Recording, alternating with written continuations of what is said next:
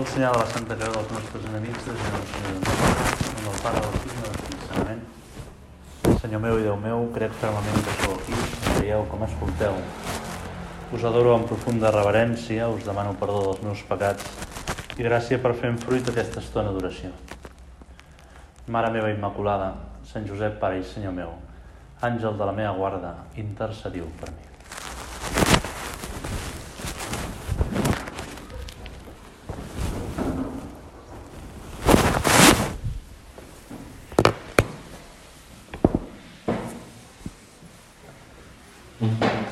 Amb la vostra llicència, sobirà Senyor Sacramentat. Aquesta setmana, la última abans de Setmana Santa, diu Setmana de Passió. I és una setmana en què ja es contempla les imminències de la passió de Jesús. I per això volia en, aquesta, en aquest recés mensual contemplar el moment en què Jesús, després de la institució de l'Eucaristia, netejar els peus als apòstols, fer el discurs de l'amistat, surt amb els apòstols, o sigui, els seus amics, els que han respost al seu amor, surt cap a l'hora de les oliveres.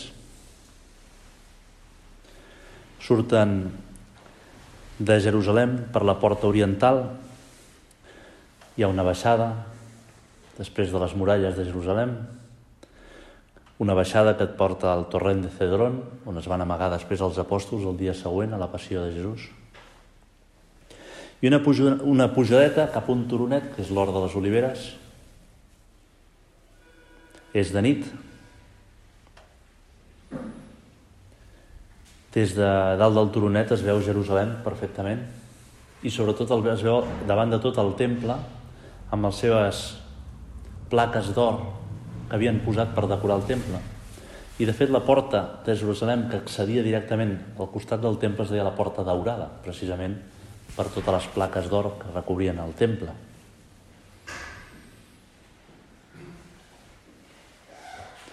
Des d'aquell turonet, una mica més al sud, arribaven els peregrins que pujaven des de Jericó. Quan arribaven allà, els peregrins s'aturaven a resar les darreres oracions dels els salms de la pujada que es deien. Contemplant l'esplendor de Jerusalem, alguns ploraven després d'un peregrinatge de dies i recitaven el Salm 122.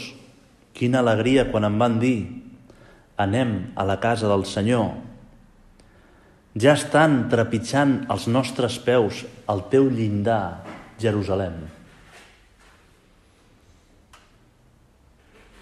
Aquell turonet, veient a Jerusalem de fons, té una connotació molt especial pels apòstols. Quantes vegades Jesús han recitat amb tu aquest salm quan pujaven a Jerusalem.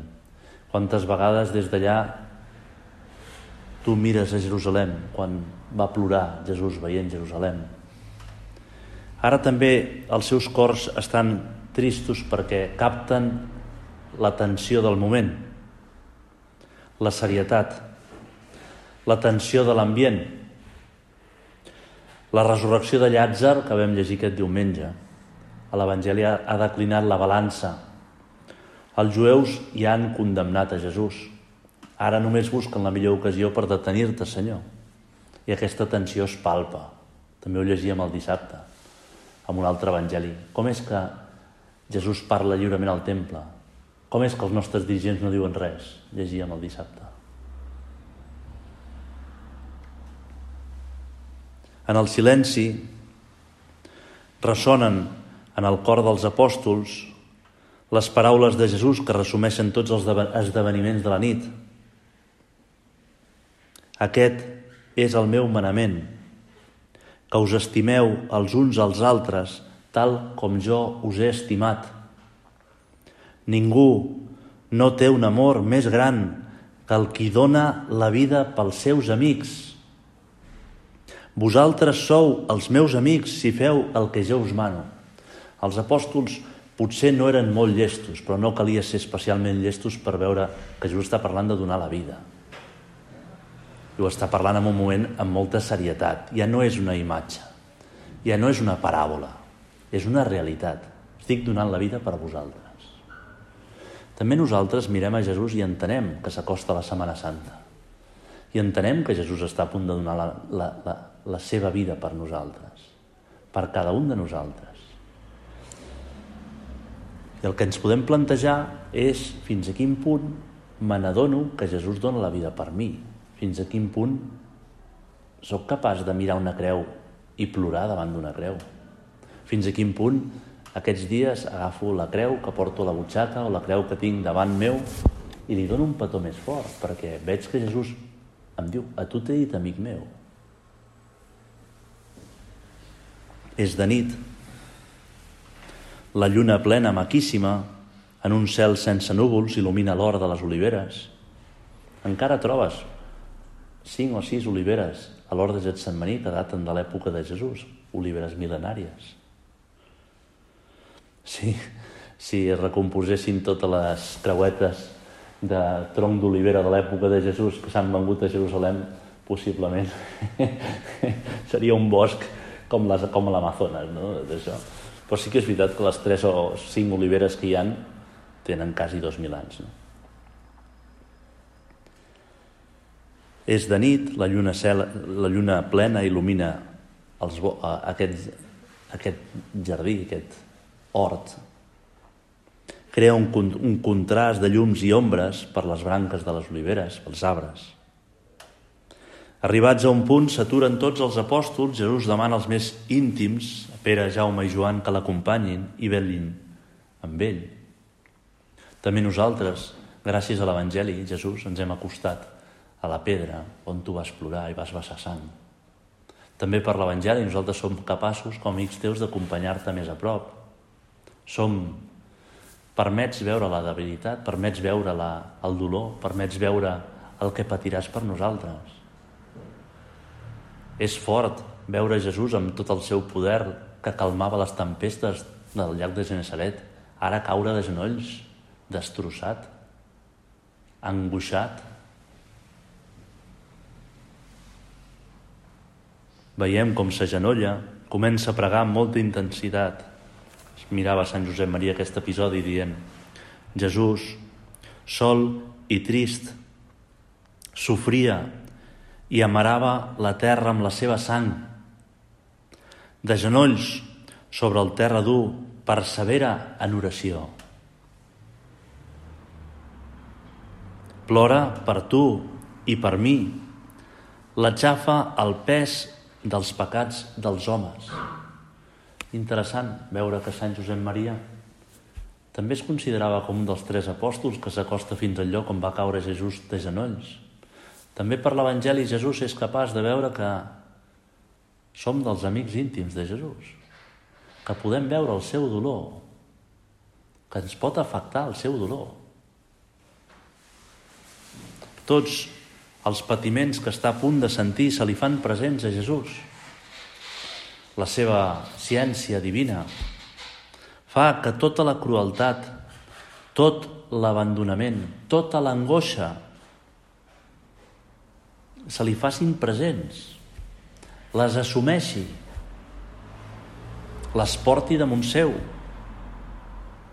Jesús vol assumir lliurement això per nosaltres. Si alguna vegada ens plantegem si jo sóc lliure entregant-me, si jo sóc lliure fent una mortificació, si jo sóc lliure renunciant a una cosa bona per amor, aquí tenim la resposta. Lliurement s'ha fet pecat per nosaltres.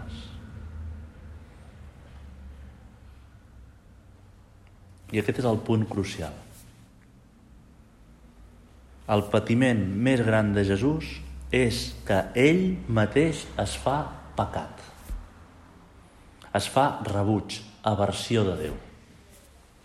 És important entendre això. Diu un autor espiritual.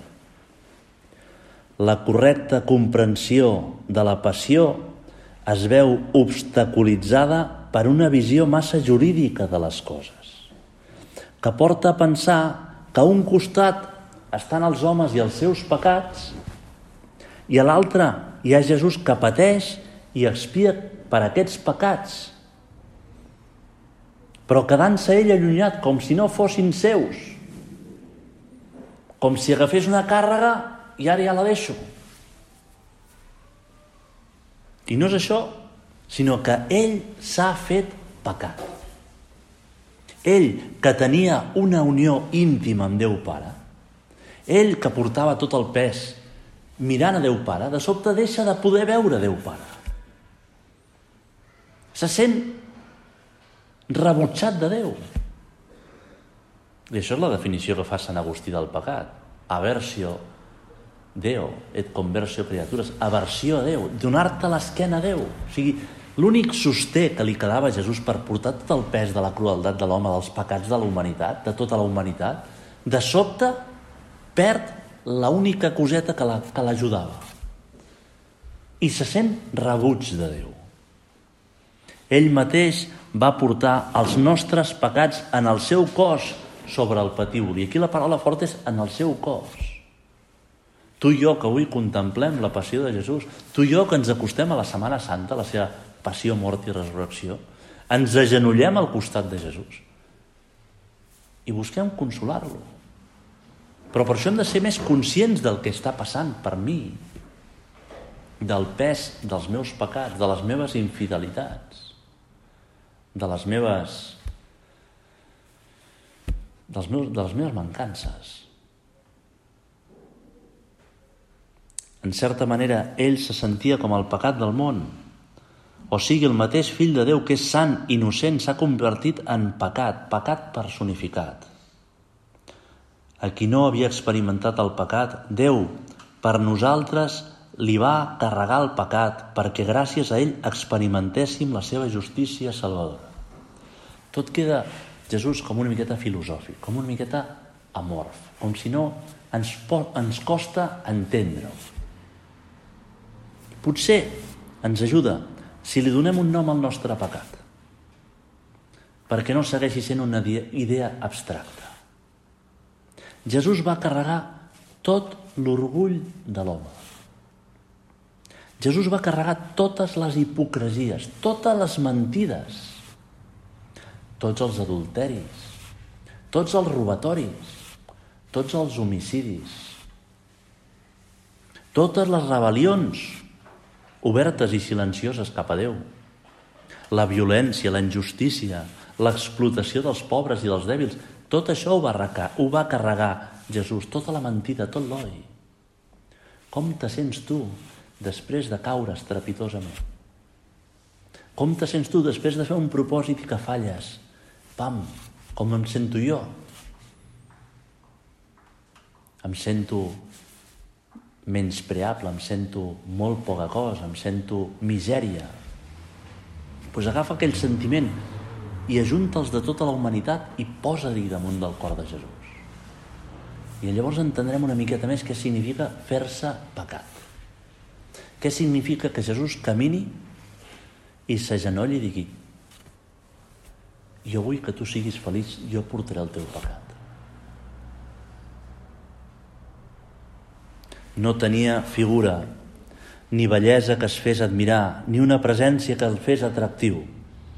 Era menyspreat, rebuig entre els homes, home fet al dolor i acostumat a la malaltia. Això són paraules de la Bíblia que s'apliquen a Jesús, del profeta Isaías. Semblant a aquells que ens repugna de mirar, el menyspreàvem i el teníem per no res. De fet, ell portava les nostres malalties i havia pres damunt seu els nostres dolors. Però ell era malferit per les nostres faltes, triturat per les nostres culpes. Un profeta ho havia escrit això segles abans de Jesús. Com una peça de roba que et poses i t'encaixa a la perfecció. Tots Anàvem com ovelles disperses, cadascú seguia el seu camí, però el Senyor ha carregat damunt d'ell les culpes de tots nosaltres. Quan era maltractat, s'humiliava i no obria la boca. Podem entendre, ara Jesús una miqueta més, que arribessis a suar sang. Perquè quan tu, Senyor, et fas pecat, Déu Pare es queda lluny L'atracció infinita que existeix entre Déu Pare i Déu Fill està travessada per una repulsió també infinita. La immensa malícia del pecat xoca amb la immensa santedat de Déu. I Jesús sua sang. I li escoltem que diu, em moro de tristesa. Quedeu-vos aquí batllant. Com era el teu dolor, Senyor? Em moro de tristesa.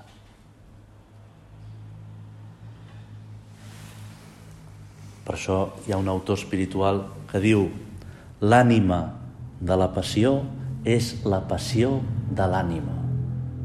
Moltes vegades pensem que la gran passió de Jesús són els claus que l'atravessen i que pincen el nervi mediano que passa pel canell i que et provoca uns dolors terribles, les, la flagelació, la corona d'espines, aixecar-se fort cada vegada que ha de respirar.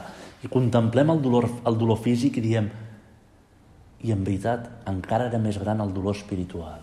L'ànima de la passió és la passió de l'ànima. Aquí estic, Déu meu, vull fer la teva voluntat. Vull redimir els homes. Vull lliurement carregar el pecat dels homes. Ferma pecat.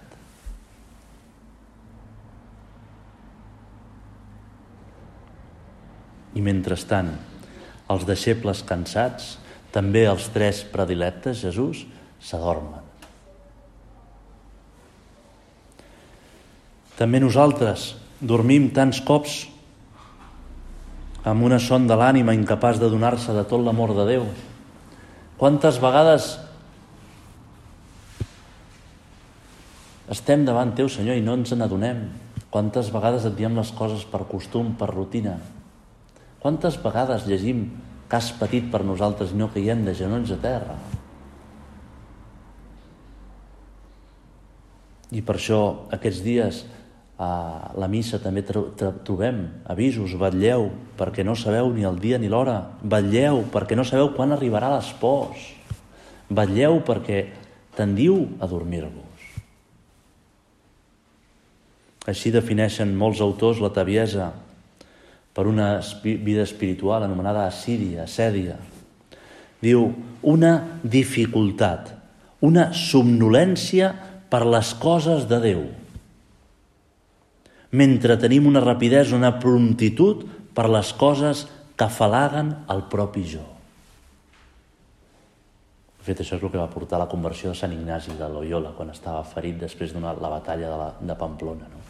A l'adonar-se, dius, com, com la meva ànima sent tanta atracció i tanta promptitud per fer les coses que, que omplen el meu jo, les coses de vanitat, les coses de, de frivolitat, i, i em costa tant, en canvi, les coses de Déu i després em deixen una felicitat més, més profunda.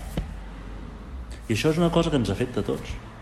Una dificultat, una somnolència per les coses de Déu, per concretar-me propòsits, per lluitar decididament, per ser creatiu en la meva lluita. Buscar solucions. Quan l'oració és la, el més important, o la missa és el més important del dia, no la col·loquem al darrer lloc, el primer. i els apòstols s'adormen, Jesús. Malgrat contemplen tot el teu dolor, s'adormen. I jo tantes vegades també m'adormo. I Jesús s'aixeca i s'acosta als apòstols i els desperta. I em despertes, Jesús. Aquesta Setmana Santa també em despertes a mi. El seu rostre els hi fa comprendre una mica el patiment Pere, Jaume i Joan queden espantats contemplant Jesús al teu rostre, la desfiguració del teu rostre, atravessat pel dolor. Ajuda'm, Jesús, a descobrir la meva falta d'esforç, li podem demanar. De compromís, de lluita per la meva vida cristiana, de responsabilitat personal. És molt gran l'amor que em tens, Jesús. És molt gran que vulguis perdonar-me cada vegada que m'agenollo davant teu, a la confessió. Fes-me més conscient del teu dolor quan no t'ajudo, Jesús, perquè, perquè descobriré tot el que m'estimes. No hi ha res que mostri més l'amor que el dolor. Que descobreixi Jesús més profundament les arrels de taviesa de sèdia, de frivolitat de la meva vida. Diu Sant Josep Maria, posant paraules concretes, diu, ets tevi si fas mandrosament i de mala gana les coses que pertoquen al Senyor. Si cerques, amb càlcul o fent-te el viu, la manera de retallar els teus deures. Si no penses més que en tu i en la teva comoditat, si les teves converses són ocioses i vanes, si no avorreixes el pecat venial, si actues per motius humans. Jesús, ajuda'm a no adormir-me que la meva vida cristiana sigui vida interior, sigui vida, sigui iniciativa, sigui responsabilitat personal, sigui lluita decidida. Que no m'adormi, Jesús, i que quan m'adormi em despertis i em tiris cap amunt. I em deixi trobar, i em deixi despertar. A vegades pensem que el cristià no s'ha de dormir mai. Dius, no, si som humans ens adormirem, ens cansarem i hem de deixar-nos trobar. Van explicar la història d'una d'un nen que jugant al col·legi pues, es va emocionar i li va clavar un xut a la pilota de futbol i va trencar un vidre. Total, ja és una anècdota de fa anys perquè van portar el nen al director, al despatx del director, trucar a la mare, va venir la mare, i era una bona mare, d'aquests que deia perdó, em sento com responsable del meu fill, demano perdó pel meu fill. No, no és d'aquestes mares actuals de que et posen en denúncia per posar un vidre a l'escola. No? No, perdó, perquè meu, he, he, he trencat el vidre jo en el meu fill. No? I el director no passa res, l'important és, és, és, és arreglar-lo, etc etc. I la, i la senyora quan costa el vidre i el director li diu pues, tants diners pues, no sé, eh, 50 euros, 100 euros i la mare pues, treu i pum, paga 50 euros tot això davant del nen allà sentat amb una cara d'espantat terrible i expliquen que aquest nen quan va arribar a casa seva va anar a la seva habitació va agafar la seva guardiola va treure dins els 3 euros 56 cèntims que tenia. Els va agafar, els hi va portar la mamà i deia, mamà, jo també vull pagar el vidre. No? I expliquen que aquesta mare era una bona mare. I encara que els 3 euros fossin res comparat amb els 50 euros i que la mare tenia molts diners, més, molts més diners i podia pagar el vidre molt més bé, va agafar els 3 euros 56 cèntims del nen i els va, els va agafar. No? Pues molt bé. Molt bé, fill meu, per pagar el vidre. I això és el que espera Jesús. Ell ha pagat el vidre. Ell ha pagat la, el nostre pecat. Ell paga desproporcionadament. Però nosaltres, veient tot l'amor que tu ens tens, Jesús, podem posar els nostres 3 euros 56 cèntims. No és molt, però és el que podem posar, com la vídua pobra, no serveix per pagar tot el vidre, però sí que serveix per pagar tot el vidre, perquè Jesús l'acull. I Jesús és com aquesta bona mare, que acull el que nosaltres li donem. Jesús, vull completar en la meva carn el que falta a la teva passió, diem amb Sant Pau. Jesús, no vull quedar-me atxafat per tant, tant dolor i tant patiment, sinó donar-te la meva vida, i mil vides que tuvieran. Entregar-me, fer-te feliç, lluitar, concretar-me la meva vida interior, no adormir-me, despertar-me.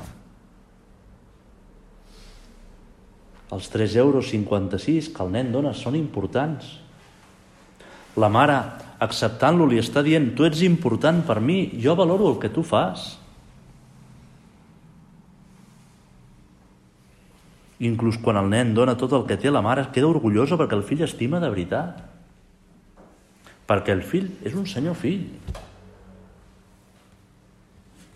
Nosaltres sembla que podem aportar poc a la passió de Crist.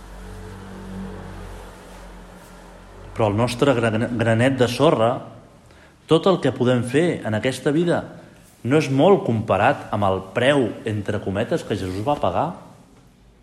Però per Jesús és molt, i més quan està patint. I més quan està clavat a la creu.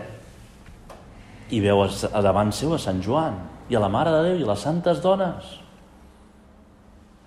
Com el consolen les paraules d'aquestes persones que estan allà. Jesús, per Jesús és molt que nosaltres, commoguts per la seva donació, donem el que tenim. Posem iniciativa, lluitem. Tot el que som. Ens buidem com aquest nen les butxaques. Per Jesús és molt. Cal mirar a Jesús, commoure'ns més profundament per la seva entrega, pel seu fer-se pecat, contemplar la passió de Crist i aquests dies de passió, de setmana de passió i aquests dies de setmana santa després, ficar-se com els apòstols al davant de la passió, ficar-se, com deia Sant Josep Maria, en el, en la, en la llaga del costat de Crist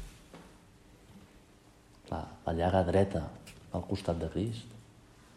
Contemplar, amarar-nos, empapar-nos del seu amor per nosaltres.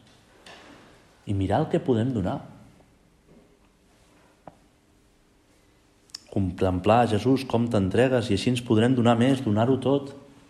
Així trobarem forces a dins nostre per seguir lluitant contra aquestes debilitats que a vegades ens volen aixafar, ens volen desanimar, a la, llum, a la llum del teu amor, Jesús, descobrim tant orgull i tanta vanitat en la nostra vida. I descobrim també el que som importants per tu i el que tu esperes que lluitem. Jesús deixa els tres apòstols, Pere, Jaume, Joan, desperts. I després de demanar-los la seva ajuda, vetlleu, pregueu, torna a retirar-se a resar i patir que és el que fa aquests dies de Setmana Santa i de Setmana de Passió. Resar i patir, obedient fins a la mort i una mort de creu. Ara ens toca a nosaltres, Jesús, acompanyar-te. Ara ens toca, Jesús, reviure-ho amb la nostra vida i fer-ho teu. Fer-ho per tu. Ara ens toca a nosaltres posar aquest 3,56 euros mirem a la Mare de Déu. És una imatge que li tenen molta devoció, la Mare de Déu dolorosa, al peu de la creu, patint. I li demanem forces per acompanyar el seu fill, perquè els que estimem el seu fill no el deixem sols, perquè els que som cristians, els que som amics del seu fill, no el deixem sols, no ens amaguem al torrent de, Cedro, de Cedron com els apòstols i, i l'acompanyem aquests dies. Volem estimar amb tot el cor el teu fill. Dóna'ns la gràcia de l'Esprit Sant per no fallar.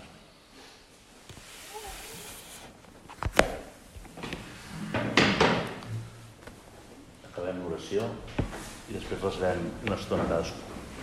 Us dono gràcies, Déu meu, pels bons propòsits, efectes i inspiracions que m'heu comunicat en aquesta meditació. Us demano ajuda per posar-los per obra. Mare meva Immaculada, Sant Josep, Pare i Senyor meu, àngel de la meva guarda, intercedeu.